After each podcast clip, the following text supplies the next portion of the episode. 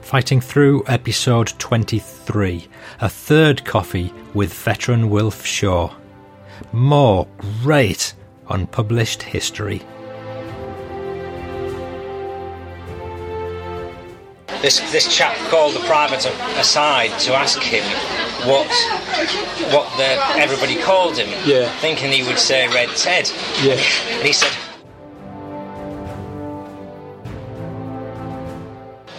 I can remember getting 28 days once uh, for that was for uh, impersonating an officer. "Did you?" We, we used to go out on patrol, uh, minefield patrol, but there was always there was always one in front in advance. I know it sounds callous, but if, the one in front, if he if he trod on an S mine or uh,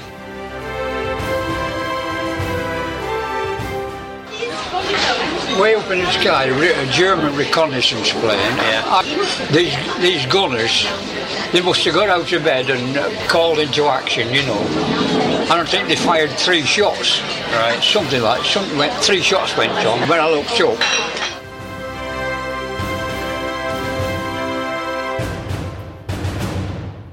Hello again. You've just been listening to a few passages from this episode in which I'm bringing you yet another meeting with 97 year old World War II veteran Wilf Shaw. I'm Paul Cheall, son of Bill Cheall, whose World War II memoirs have been published by Pen and Sword in Fighting Through from Dunkirk to Hamburg. The aim of these podcasts is to give you the stories behind the story. You'll hear memoirs and memories of veterans connected to Dad's war in some way, and much more. And it seems that never a week goes by without some snippet of great unpublished history popping up that's connected to Dad's war. So if you don't want to miss out in future, I recommend you subscribe to the show through your usual listening app. I've put links to quite a few popular ones on my webpage at fightingthroughpodcast.co.uk. So in this episode, I'm having yet another coffee and chat with Wilf Shaw, a World War II veteran who's got some really superb stories to tell us about his war in Europe and Africa. Joining us once again is Wilf's friend Leslie Littlewood, whose father was also in World War II as a soldier with 56 Reconnaissance Corps, part of 78th Battle Axe Division. So this is a very informal meeting with Wilf and Leslie. And listener, have some tissues ready. That's all I'll say. gunfire had uh, a mortar fire had uh, split the telephone cable. Because what happens when in a case like that, you've got to repair the line, and to do it, you get the the, the cable from your end, keep it in your hand, and just keep it in your hand and walk out and uh, find somehow find the other end, you know, uh, that's Yeah. been blown apart. Uh, it, can- it can be quite a task at times, you know, and go, walking through muddy fields and things like that, you know. They and them were out repairing a line broken by shell fire, Yeah. and uh, this uh, thundering sound coming coming towards us, and I told him to run like you know, you know, and. Uh, I saw this ditch looming up and, and leapt over, Yeah. and uh, Fred went in head first, you know, into the ditch. And I, I remember at the time. Did he go in head first because he's been hit by a blast, or was he just doing it as quickly? No, the fish fell in. You know, you didn't see you didn't see the ditch. Oh, you know, like a drainage ditch. You know. Ah, right, yeah. And but we were in a house at the time that the occupants had, had departed, Yeah. and we went up to bed. We went up to bed, and Fred Fred got into bed in the state he was in, because we had to be fully clothed, you know, Yes, oh yeah. full of mud and everything, you know, Yeah. in this lovely clean bed. Uh, and I asked him, did he remember it? And he said, yeah, I want, I want somebody amused either, you know. Were you, were you covered in mud as well? But No, no, You- you'd I, managed I to- let over me. because you were sit, you knew where you were going. Oh god. No, you never told me that one. Ah, I, I didn't say what it was that was thundering towards us. It was horses. Ah, right. I had a, a lamp to give you a lamp, and it just like a, you can pull the cover down so it only shines downwards, you know. But uh, they must have caught the uh, flash of the. It must have cocked up, and somehow or other the horses had uh, decided to gallop towards us, you know. And that's when I, I grabbed Fred and told him to run like bloody hell, you know. Right. So it wasn't. It wasn't. Um, ner- It wasn't, it wasn't anything to do with the enemy, it shells was coming. horses. Yeah. Oh God. I'm handing you a bullet there. Wilf, what do you make of that? Right, three? I did wonder. Was that from a Lee Enfield then? I, I remember one day I sat down in the uh, in our dugout and just out of idle curiosity, I took the bullet out of uh, loosened it and took the bullet out, and then put put this back in the rifle and, and fired it. It was- f- fired it without the bullet, Yeah. you know, just just just can't. And um, that's not when you were. That's not when you were aiming at the toilet at the latrine. That was- I, I always feel a bit embarrassed to think about that. I found this in Dad's drawer because I've just my mum's just gone into a care home. And I was going emptying out drawers and cupboards, and I found this, and I don't ever recall seeing it when I was a young lad. And I wonder if Dad actually found this in a car boot sale sometime, and he's just bought it as a souvenir. Uh, But um, yeah, but that was the that was the weapon of choice, wasn't it? The the Lee Enfield. Well, not necessarily of choice, but Yeah, they, they, were, they were First, war, First World War bullets. When you think the I think the Germans all were all armed with um, machine guns, weren't they? Machine guns. I think the, the Germans were all armed with machine guns, and we all had 303 Yeah. Enfields. Yeah. It's not not an even match. I don't have a Bren gun, but they weigh about is it twenty three pounds or something. Bren gun. Picked it up and I thought, wow, that's really Right. heavy. That's about the same size as a holiday suitcase, isn't it? Yeah. Yeah, heavier than that. They gave us Sten guns uh, after the invasion of Normandy. They gave us Sten guns, Right. but they, they were a bit dodgy Sten guns. Why was that? They could, they could go off. Uh, if you happen to, the, the bloke behind had banged into you, something like that, and uh, they were prone to go off. Sten guns, yeah. Did you ever? Can you ever recall people being injured? No, I didn't know. No. But, but I did hear of incidents, you know. That, that, Listener, I'm just cutting in here to explain that Leslie's about to share a poignant story with us about tracking down the service records of military medal winner Harry Salt and later meeting up with his niece. A couple of years, well, 18 months ago, I got off for um, some service records for a chap. I don't know if I told you, called him Harry Salt. And it'd been going, Fred had been going around for about five years. Um, he was actually one recce. Wargrave got him down with 15 recce. Anyway, to get it all, um, you need evidence. He got a military medal and everything. So we put all evidence up for and what were in war diaries and all that sort of thing. So I sent off the service record, paid for them. And I thought, oh, it'll be, um, it's a record, and I spent 30 quid of it to get a service record. So I sent off the proof to um, Commonwealth War Grave, and they're going to change his headstone eventually in Tunisia. And they changed the website already. So I put some of his service records, pictures up on my gallery. And I'm thinking, well, he died young. He'd, no family, wasn't married and all that. And lo and behold, his granddaughter, his, his, his, no, she was his, his grandniece Grandniece, right? um, came on forum about ten days ago because she's read the thread and everything. Yeah, yeah. And I've got to find out more about her dad. Well, you can't get the the um, oh no MID. You've got to mention in dispatches, I think.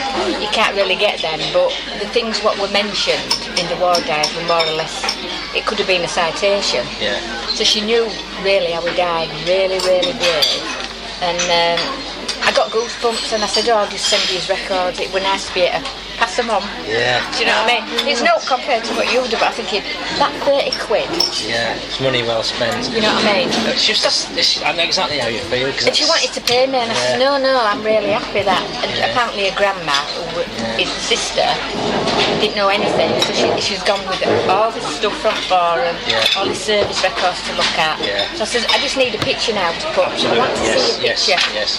And he's so handsome. She put a picture up of him, and so it's sort of like, that's it now. Oh, But you get goosebumps, you know, when yeah, you yeah, yeah. think I'm holding them records, and Yeah. she's she's got them. It's, you know, it's just, I know exactly how you feel. That's Yeah. happened to me so many times with when something out of the blue, somebody writes you and then like um, the next episode of the podcast I'm going to do is about uh, John Savage. He was one of my dad's best pals before the war, and he was a rear gunner in a Lancaster. And um, I'd never seen a picture of him other than what Dad had talked about him. And then suddenly the relatives send me the Sent photographs and all the rest Yeah. of it. So similar sort of goosebumps. I know. Parallel, Yeah, yeah. yeah. Listener, from this point on, I'm going to make quite a lot of references to Fred Zilkin, an old comrade of Wilf's who's written many letters to Wilf, and these are going to be the subject of a separate show sometime in the future. For now, I'm picking up several queries that I've got with Wilf. talking about horses. um, You don't have a lot of luck with horses, does it? well, there's a there's a story. Tell us about Cook Cullis. He's mentioned in one of Fred's letters. Cook Cullis. He had a nickname. Cooke-Collis. Cook Collis. Yeah. Aye, we, we, we had a nickname for him. Uh, the general nickname for him was Red Red Ted. Yeah. But Because he was a in, was in our company, we didn't call him Red Ted. We called him Shag Nasty. yeah. I've heard that. was, it, was he a brigadier? He, he finished up brigadier. Because I saw mentioned somewhere they called it Red Ted's Brigade, and I thought, why do they call it Red Ted's Brigade? Aye, ah, Red Ted, yeah. The other officers referred to him as Red Ted. But in, in C Company, Six Green Howards, our name for him was Shag Nasty. Well, there's a, there's another little story that that Fred wrote about that there was some some privates. Um, this this chap called the private aside to ask him what what the everybody called him, Yeah. thinking he would say Red Ted, Yeah, and he said Horseface. yeah. So he got put on a 252 charge apparently for that. Uh, But uh, so he, he was probably uh, candy coating it a bit, saying horseface because he, he should have said shag nasty. oh God, excellent. Oh dear. Um, I'm just go. I'll pick a few of these up now. What what? Tell us about Fred Cooper because he's mentioned in one of. uh, Fred Cooper, I never came across him during the war. All right. It was uh, it was after the war that uh, he contacted me. I put a, a thing on Service Pals and, on television, and he answered it. And we ended up, we went to Blackpool together for the uh, El Alamein reunion. Originally, it was called the El Alamein reunion, but they changed the name to the to the Eighth Army reunion. You know. Because a lot of people who were in the 8th Army weren't at El Alamein. They didn't like the idea of it being called the, the El Alamein reunion. you know. Yeah. And uh, yeah, I went to Blackpool with them. and, uh, and it, you, you see the story about him being buried. Though uh, he, he got buried, and uh, you had to pull him out for the. Uh, the he, he fell in the tri- slit trench, and uh, And a shell came over. yeah, and uh, sort of semi-buried him. His leg was sticking out, you know. And, uh, I think in the because he wrote one letter to you, Fred, and in it he wrote that he mentioned that incident, and he said it took him 40 years to find, to track, to trace the guy who'd dug him out of this. Ah, that's right. Aye. Yeah, yeah, yeah. They, uh, they contacted each other uh, a few years ago. Do you know you once knew a guy called Daggerall? Daggerall, yes, I did. Yeah. Well, I, I've Tackle It, it's, uh, Bill, Bill Vickers mentioned him in a letter to you, Yeah. and he called him Jack Dagger Hall. yeah. So, because I, always thought his surname was Daggerall, you know, like Fred Daggerall or Bill Daggerall. But he, yeah, there's other, other nicknames he probably had, Yes. but it, it was Jack Dagger Hall. Oh, it'll be hyphenated. Yeah, uh, well, if you like, yeah. Anyway, um, just uh, you, you started talking about Fred, but you didn't finish it because I think you said you met him in 19 and I met him at Marston, Marston House uh, initially, yeah, but uh, my close association with him was uh, was from the day after D-Day, you know. Tell, tell us about his character, or you know, Who? tell us about his character. Sort of a chap he was.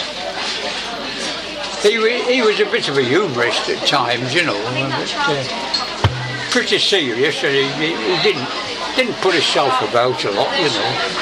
And uh, but I, I can tell you one incident. Uh, I can give you an instance of one of his uh, sense of humour. We it was insisted upon us as signalers, when we were taking messages how, how secret the, uh, the, the messages were, you know, Yeah, and uh, not to disclose and talk about anything in it from the message to anybody, you know. On this particular day, Fred was sat at the uh, telephone taking a message, writing it down, you know. And he wrote this message down, and uh, when he when he finished taking the message, he got he put it in an envelope, sealed sealed the envelope, and he wrote on the outside, highly secret, burn before reading. That, tell me that as well.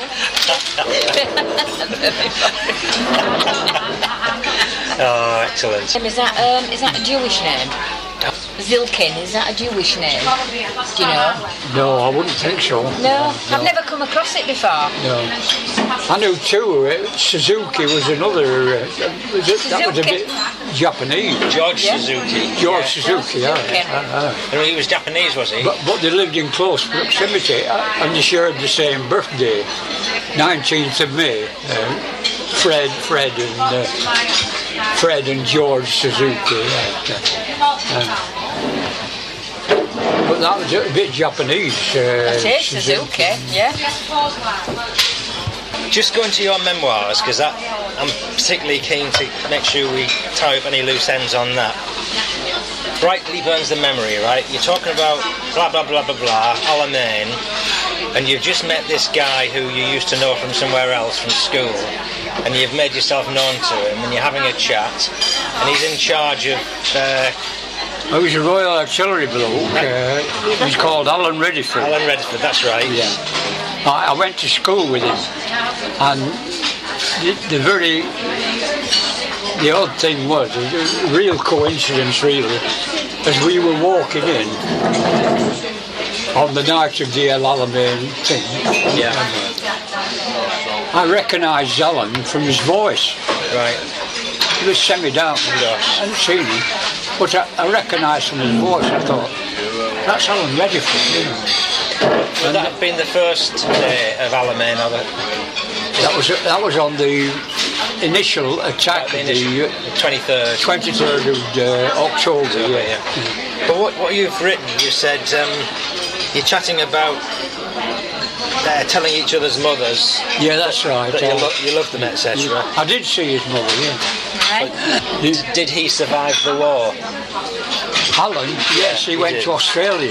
Oh, okay. Or, no, New Zealand, Christchurch. Yeah. Which is Christchurch, is it? Oh, New Zealand. New Yeah. Zealand, yeah. Yeah. Anyway, you've said. Um, he said. Uh, I don't envy you your job going up into that lot. That's right, you did, yeah. And then we passed a few words of mutual reassurance. Yeah. And he said, This is smoke we're laying down. Ah, he said, Don't worry if one of these hits you. It's dot, dot, dot. And then your, memoir. I've been sat on the edge of my seat reading your memoir for two weeks, and suddenly you stop mid sentence. Uh, he, he said, don't worry about one of these. They're only smoke bombs, you know. So.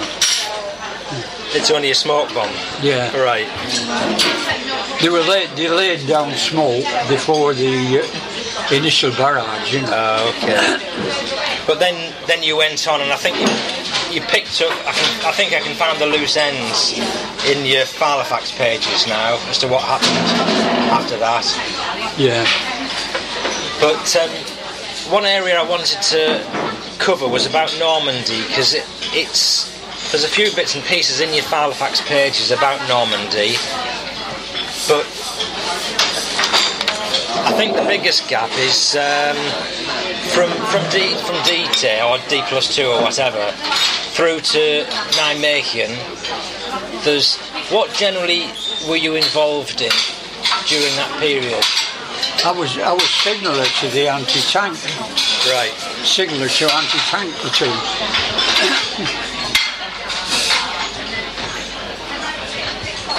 But are there any particular incidents you can recall during that period? I'll tell you one incident that has I, occurred when I was with the signaller as the anti-tank platoon was the incident with the radio where I put it on top. Yeah. But I had the radio on top of the trench. Yeah. You were in the Germans trench. were firing, kept firing periodically at, at- intervals of uh, two minutes. You could hear the thump in the background. And I would lay there and timing in, and the time was getting less and less between the explosion I could hear, the uh, discharge of the uh, the discharge at that end and the explosion at this end. And the time was getting less and less. And I estimated it wouldn't be long before uh, the net third from when I was listening from. I'm talking about three, three from now. And the one that drops is going to be pretty close, you know. Yeah. But I had the radio on top of the trench. Yeah. And that's exactly what happened. there were, the time limit got less and less until this explosion, the shell burst almost on top and, and blew the uh, radio. Uh, I got shrapnel through the radio. And uh, after I picked it up and I thought, well, it can't possibly be working.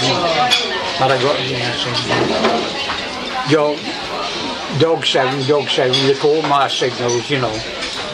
And back came the answer, here you strength five, you know. And there was shrapnel through the bloody, uh, through the radio, yeah. And it still worked. Still worked. yeah. Sorry? Should I tell you what Fred said about you? No. Well, he said you were always getting 28 days for something or another, Wilf. so defend yourself I was always getting 28 days. for something or another. Yeah. So you're always in trouble, in other words. You're listening to the Fighting Through podcast. Great unpublished history. This is episode 23, Another Coffee with Wilf Shaw. I can remember getting 28 days once. Uh, for, that was for uh, impersonating an officer. Did you? Yeah. Tell us about that. I don't think I've heard this one. It, it's happened in Cyprus uh, before we uh, went up to Iraq, you know, like before. Yeah. And just for a joke, I was on guard this night. And uh, I found it was in the officers' quarters in Cyprus, where, where the officers were. And there was a, there was an officer's uh, coat hanging over a chair. So I'd left my mate, you know, we, we, we used to do pairs. We used to patrol in pairs, you know. Yeah. So I told him I was going somewhere. Anyway, I found this coat hanging off his coat, and I picked it up and put it on. Walked smartly back to my mate and had him stood to attention and uh, one thing and another, you know. You can, we can just guess what's going to happen, can't we? But in the end, uh, the humour of it all got me, and I, I, I burst. I had to burst out into laughter, you know, and uh, he recognised. He, he called me a name which uh, I don't repeat really. So you didn't. This was your pal you were doing But this to. I got found out about it. Um, there's somebody, somebody saw me, and I, I ended up on a charge. And uh, they exaggerated things a bit, and uh, you know, it, it, it wasn't. It wasn't just playing a practical joke from their point of view. It was, it was impersonating an officer. Oh, Yeah. gosh. And uh, the outcome was, was I, I got 28 days pack drill. All right. army punishment, pack drill, you know. and uh, you had to dress with pack on your back and your rifle, and uh, there'd be about seven of you, and the sergeant major would. Uh, we'd have you running. You had to, you had to run. He'd run you all over the place, you know, until until you were fit to drop, sort of thing, you know. And uh, yeah, one one particular. Uh, one particular move they had you were in a line like that, and this office, this sergeant said, uh, on the order of right form, the uh, the man on the right of this line would stay still, and the and to, and the others had to run round in a circle. Of course, the bloke on this, the outside of this he he sort of losing ground on the others, you know, as they were moving round. And uh, he, he said, I'll, I'll double you until that man catches up, right? you know. So how many do you have to do that for like an hour a day? Yeah. 28 days? An hour or He did it at night uh, Right. in Cyprus around about six o'clock or something like that. After you'd done the rest of everything, the rest of the day, you know.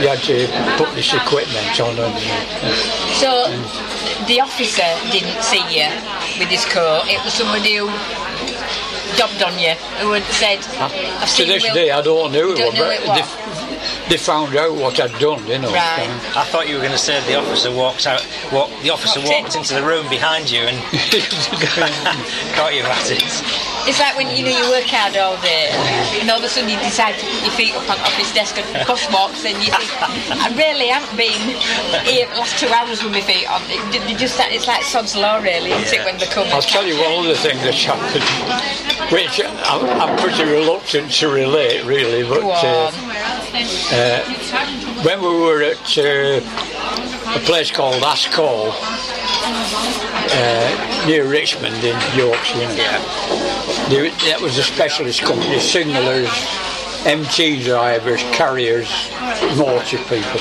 While we were there, we used to we used to get picked for guard, you know. And it was my turn on guard this particular day. But they used to pick them on extra for the guard duty. And uh, when you went out on parade, there was always one man extra. And uh, the cleanest man on parade was dismissed. Yeah. You know, he didn't do the guard, you know. So I cleaned all my stuff up and borrowed all, all uh, re- really all, all the best, know, polished brushes and all the rest of it, you know. Lined up on parade uh, for the guard duty. And he, uh, he came round inspecting.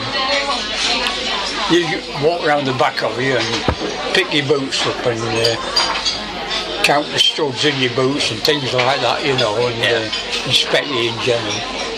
And uh, it came to the part where you, you had to uh, what they call uh, port arms, where, where you had to be. And you had to go like that with your rifle, you know, your bolt to your rifle. Yeah. And uh, and then come back at ease, you know. So you had to like clear, Anyway, clear the it stock. came to this particular part of uh, port arms and ease springs. I realised there were no bloody bolts the rifle. Right. I'd, le- I'd left it behind when I'd been cleaning it. So what I did, I went through the motions. Yeah. You pretended to do it. Yeah. and uh, of course, when you were stood like that, with the rifle, and they came round the back, I thought he's sh- sure to find out, you know, the no bolt is rifle. He didn't. The next thing, I got a chap on the shoulder, cleanest man, you know. And I got cleanest man on parade. God. No, no bolt on my rifle. Yeah. And uh, I remember I got back and there's one bloke dangling his the bolt in there. You're a lucky bastard. you know. He was dang- dangling it in front of you because Yeah. he'd actually nicked it. You, you hadn't forgotten it. no, he hadn't nicked it. No, it was me that had left, Oh, had left it out. You I know. thought We're just going, what do you say, you're lucky me. Oh, God, excellent. No, they, they'd found that after I'd gone out on parade. They found the bolts. You know. Yeah, yeah, yeah. Blimey. Lucky. Anyway, as I was saying, you're always. He, he said you were always getting 28 days for, for one thing or another. So what, what else did you get 28 days for? I don't think I got 28. No. I think that was. Uh, Only once. I think that was Fred's imagination. Ah, His next uh, paragraph was a bit more complimentary. He said, You were never in a panic, Wilf. I remember that whenever you came over to the mortars, you were always composed and didn't give a damn about enemy shells. You were always a rebel, Wilf, and it was those types of blokes who won the bloody war for us. Fred mentioned the do or that do at Pickering, and the sergeant major shot someone rampaging through the hut at Pickering. Oh, that's right. Yeah, there was. Uh, he was called Wilfred something. Uh, it, there was an account about it in the uh, in the national papers at the time. You know, uh, he, went berserk, uh, charging through the uh, one mission out after another. You know. Gosh. I don't think he. I don't think he shot anybody. No. Listener, before Wilf tells his next story, I just want to give you the background behind the man who's the subject of it. Claude MacDonald Hull, to give him his full name, was a highly respected officer and quite renowned in military circles. Captain Hull won the Military Cross for action at Matruh in Egypt in 1942, and later in 1943, by then a major, he was awarded the MC Bar at Wadi Akarit. After the war, he wrote a book called The Man from Alamein, which was supposed to be fiction, but was in fact true. And the book's readily available if anyone wants to read it. I've put a link in the show notes, together with the only photo of Claude Hull I've been able to find, and Wilf gave me that. And that photo is going to be the subject of an episode for this show sometime in the future, so keep tuned. Now, this story from Wilf is as rare as hen's teeth. There seems to be so little information available on the internet about Claude Hull. Um, so here goes. This is just more great unpublished history. Do you remember that Christmas in Iraq? Most of us in a big tent. Yeah. That was in 1942. What do you remember about that then? up in Iraq, uh, we were we were in big dugouts, a- a full section in a dugout, um, as many as eight, eight, eight in a dugout. Um, Claudio had this bright idea of digging a channel straight through the centre of the uh, dugout Yeah. outside, outside to a fire. Uh, there was plenty of oil in Iraq, you know. Oh, nice. And uh, the cooks used to use it. They, they, they had an idea that they, they could use crude oil with with a bit of water to do the cook. And, uh, I don't not quite how it works. I don't know, but what Claude's idea was he, he, he had this fire. This is Claude Hull. Sorry, This is Claude Hull. Claude Hull, yeah. He- if we had this fire outside, the heat would go through the channel and, uh, and through the tent, you know, and because it was very cold, it was very cold in you know. And it would warm the tent up. I don't think it worked. Oh, right. But that was the kind of bloke Claude Hull was. He was uh, he was very boyish kind of bloke, but very enthusiastic.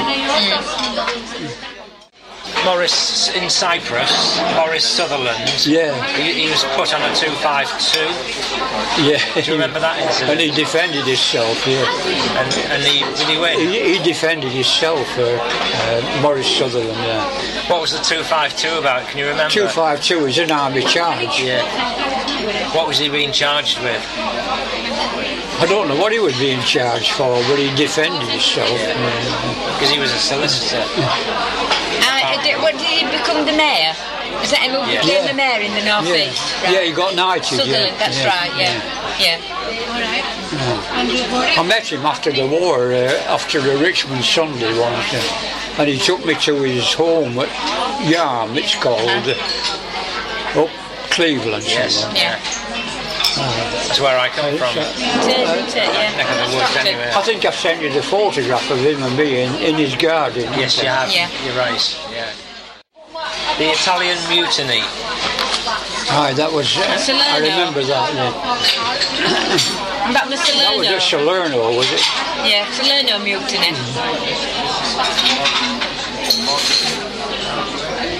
What? What? Uh, obviously, you weren't involved in that, were you? No, no, no. I think- But I, uh, I, own, I, I missed it. What happened? It happened after the uh, invasion of Sicily, and after the invasion of Sicily, which was only about thirty odd days, Yeah. but as we were as we were advancing at the end through Catania, people went down with malaria. That's right. Yeah. And I was one of them, but it, it turned out it was only clinical malaria. But uh, the trouble is, I, I got sent to hospital. But instead of sending you back to your unit, they sent us all back to uh, sent us all back to uh, transit camp. Some people were being put on a list for transit camp. And a, and a mate of mine called uh, Joe Bainbridge Yeah. come to me one. He said, "Will get your kit." This, this is one morning. Joe says, "Get your kit." He says, "Come with me." So I said, "What sort?" He said, "He said you'll be sorry if you don't." So anyway, I got my kit together and uh, went, went out, went out on the main road and got uh, a lift back to our unit. Yeah. He says, he said, them blokes are going to bloody Italy. He says, Salerno. Yeah. And uh, he got me out of it, you know. It's, uh, it, it seemed that uh, if you got back to your own unit, your own unit could claim you, and you, you weren't on a charge with anything like that. and that's, that's how I got back to my own unit. Some guys, I know about it because it was some guys from 78th Division and sat on the beaches and refused to go back Yeah, Be- because they, they were going to be sent after Yeah. they've been ill. They were they sent, like Will well, it was, sent them it back was to the. Ameri- the Americans wanted it. Yeah, But they were, they were sending blokes who'd been wounded two and three times. Yeah. Were expected to go and, to another unit. Yeah. and reinforce uh, losses in Italy, you know. Yeah. And And they thought then, they were going back to their own units. Didn't they think they were going back to their No, own units? It no, was- they, Yeah. they did. Yeah, they did. Yeah. And they refused to. They refused they were to put get on the board. they were put on the boat and Yeah. they thought they were going back to their own units. yeah. They weren't. Some refused to go on board. They were sent to Italy. That's uh, because I know that chapel, that interview where I heard John Gowan in my dad's unit. It was one of somebody he knew from Hull, and he'd heard about that Salerno. And he says what the people in the army didn't realise that they were your mates, and you wanted to go back to unit. He says, but with 78, Div, you knew as soon as you saw that battle axe sign, even if you didn't get back to your own unit, you'd get back to the division, and then they'd send you on. You did, you, if, you, if you'd been in hospital or something like that, you didn't always get back to your own unit. Yeah, yeah. Whichever, whichever your unit ne- were in need of uh, reinforcement, they were just taken from this transit camp, which were sent to, you know. Well, that's how Dad ended up in the East Lancs at the end of the war, um, because he'd been in the Green Howards and he got wounded.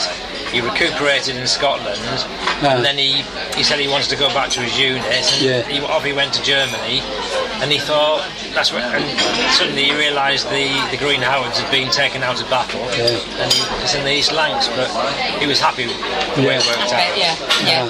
Uh, Well, Fred Cooper, Fred Cooper, after he'd been wounded, he wasn't sent back to the Green Howards. He, he was sent to the Hampshires, which were which were still 50 Div. Yeah. But I don't know whether you've read about it or not. But we lost a full brigade, 150 brigade, up at, at Tobruk. You know, in the early days of the war, when Rommel surrounded. They were in a box, what they call the, the Knightsbridge box Yes. and that was the whole of 150 Brigade. And they were, the whole lot were taken, either killed, wounded, taken prisoner, and 150 Brigade ceased to exist at all. So we operated with just two brigades for a long time until we, until we were made up to divisional strength by uh, another brigade which turned out to be 231 Brigade, Dorsets, Devons and Hampshires, Right. and uh, they made us up in it. But they, Were, were you a long time at the Falaise Gap? Were you? no, no, no more, no more than uh, a few hours, you know. Uh, but it, that that time was it were were it We, at that we were time? in that area, but uh, oh, maybe a day or two, you know. But uh, in the end, in the end, the Germans managed to get out and pushed off up, up through Belgium and uh, Holland, you know. And we, we, I remember we had to board three tonners and we tore like hell up after the Germans, you know, up the main road. And that was when we liberated the, the when the liberation of the the towns and that, you know, at the time Yeah. before Paris, but the, it's a Belgian town, you know. But the, the one we liberated was Aalst, A A L S T, you know. And I made friends with a family there called Ver, Verdict Right. and they they had a business uh, making shoes. Uh, and I can still remember the uh, thing they gave me a card, you know. Leopold, uh, Leopold verdict, fabricant and schoonen and pantoffels. Gosh. Did you go and see them after the war? I think. Yeah, I do. Yeah, Yeah, yeah, yeah, yeah, I took my first wife over, uh, and Michael. Did you? Yeah.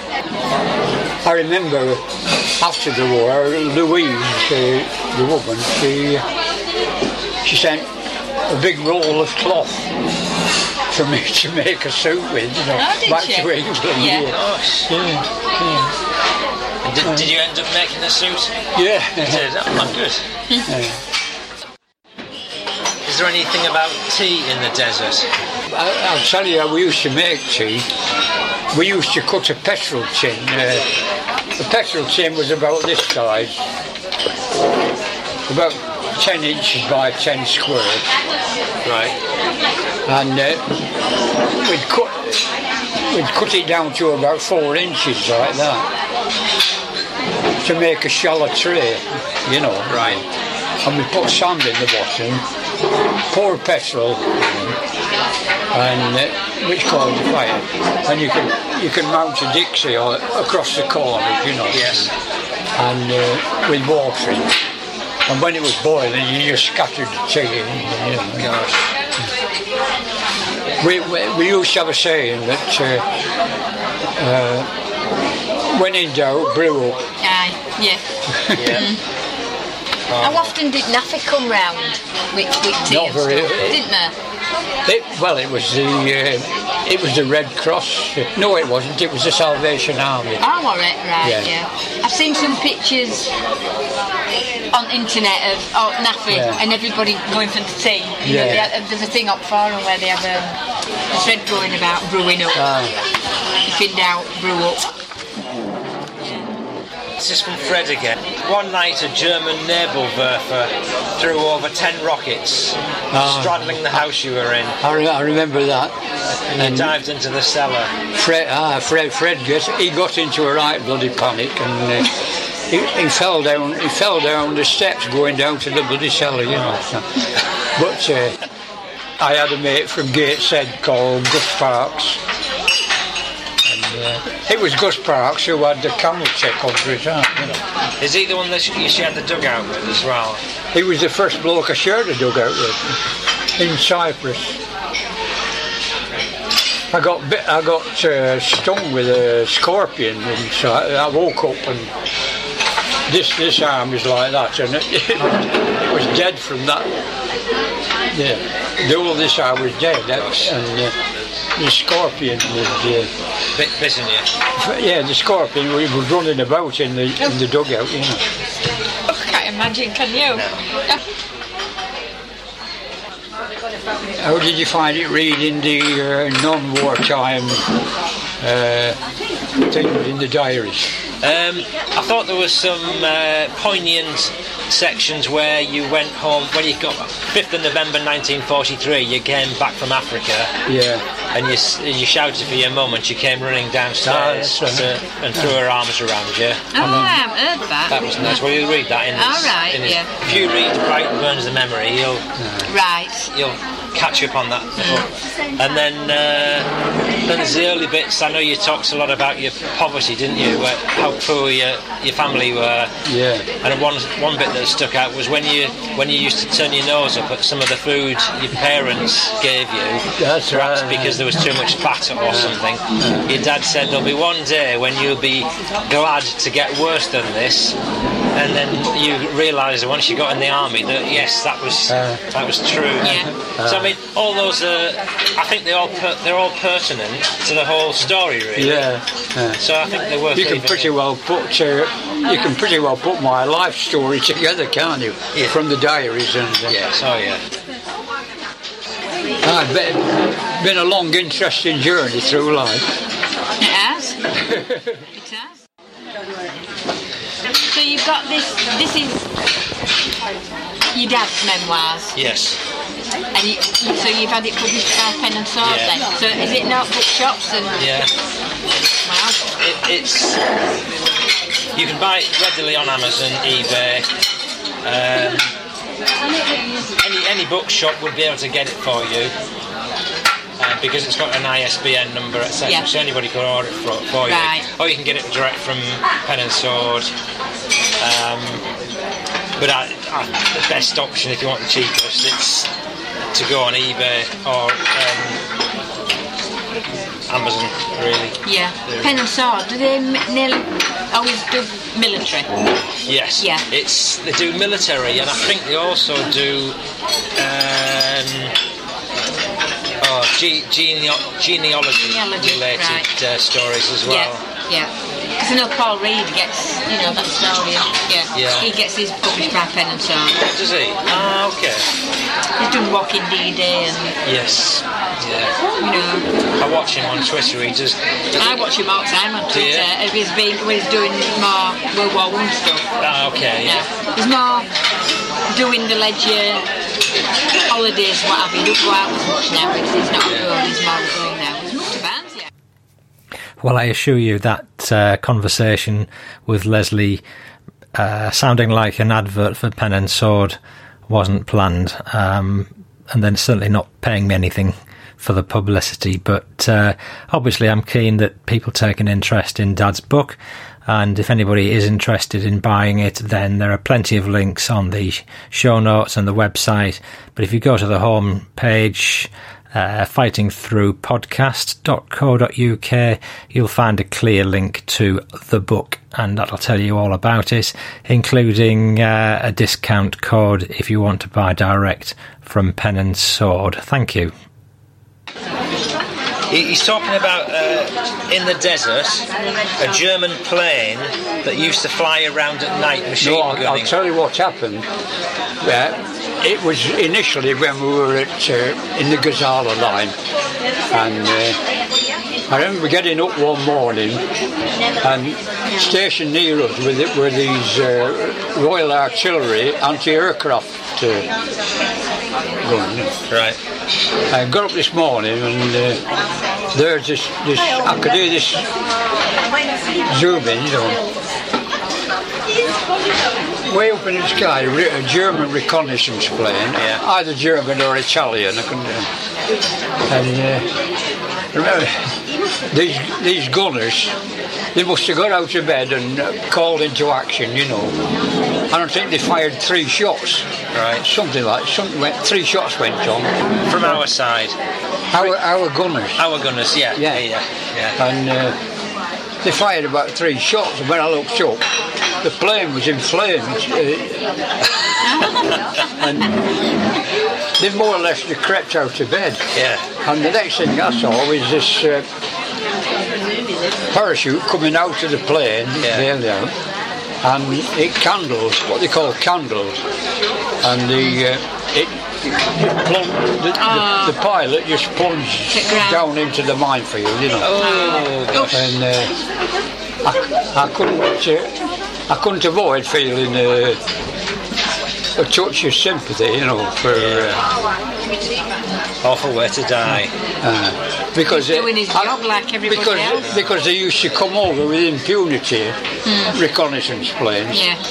and they were at such a height, they, they felt fit, pretty complacent about not getting hit, you know. And on this But occasion. uh, this poor bugger, uh, he only had three shots fired at him, and uh, Must have been worse if, it, if he'd have managed to open his parachute and seen the minefield below. I'm thinking he'd have had longer to, you yes. know, that must have been, Absolutely. yeah. I'll tell you another instance about the minefield. We, we used to go out on patrol, uh, minefield patrol.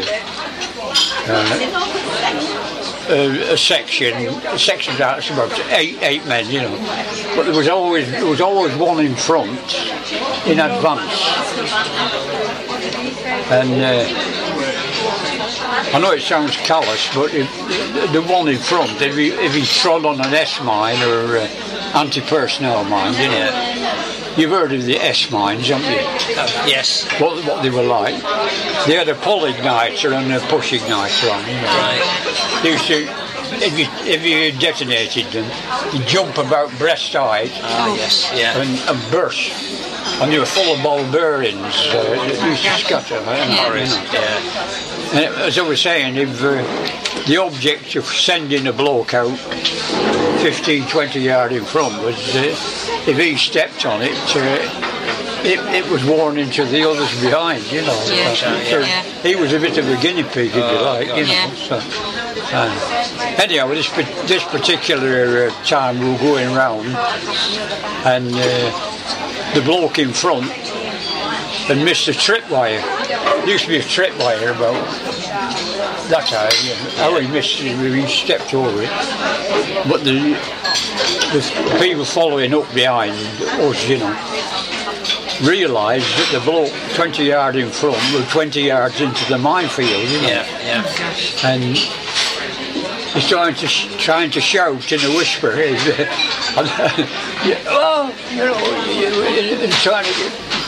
They were trying to shout in a anyhow, whisper 'cause anyhow, they- we got back out again, so the, Right. nothing serious happened, you know. Yeah. That could have been dodgy.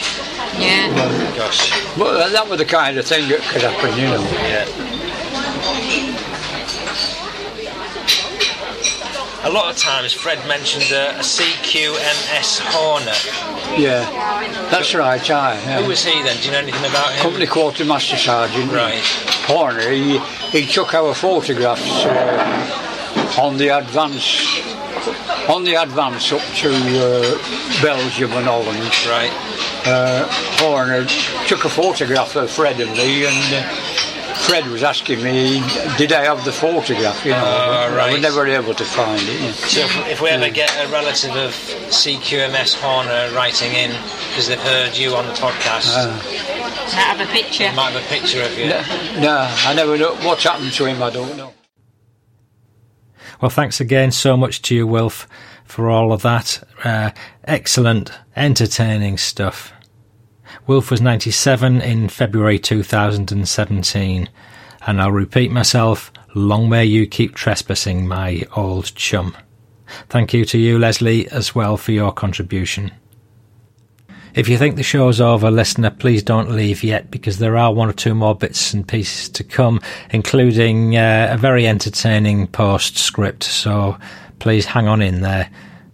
The next episode, 24, is a short story which I'm going to get out before Christmas, as it's a tale of goodwill to all men, as my dad recounts the last of his days in the army in peacetime Germany.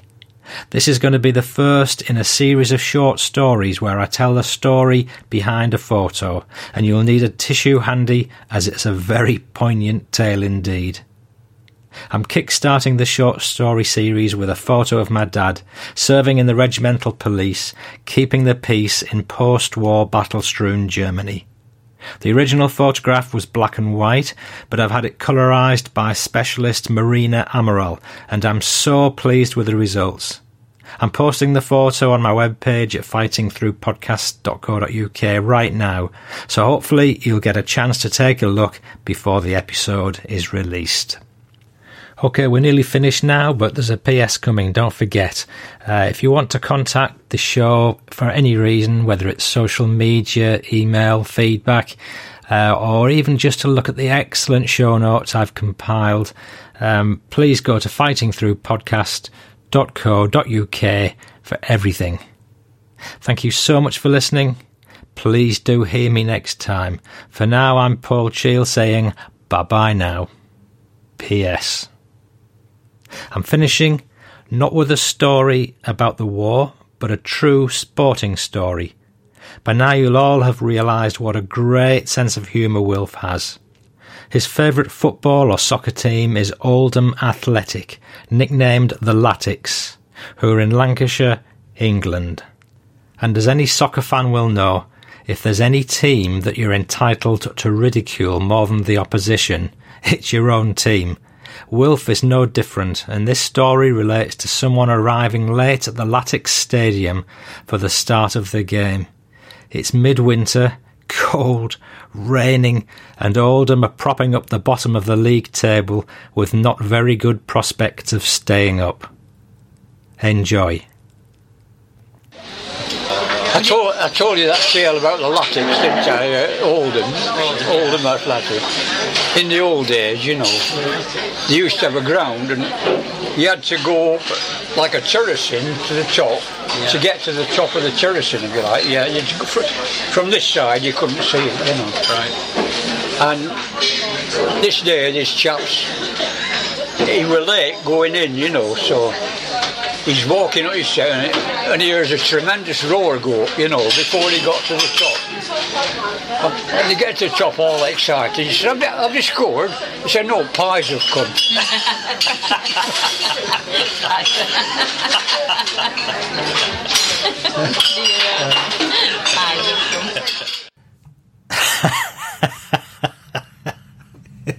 I've been laughing at that all day ever since uh, I did the editing for this podcast. Um, you can put your tissues away now, listener, unless you're going to listen to it again. Uh, Wilf, you're, you're absolutely wonderful old chap. Bye bye now.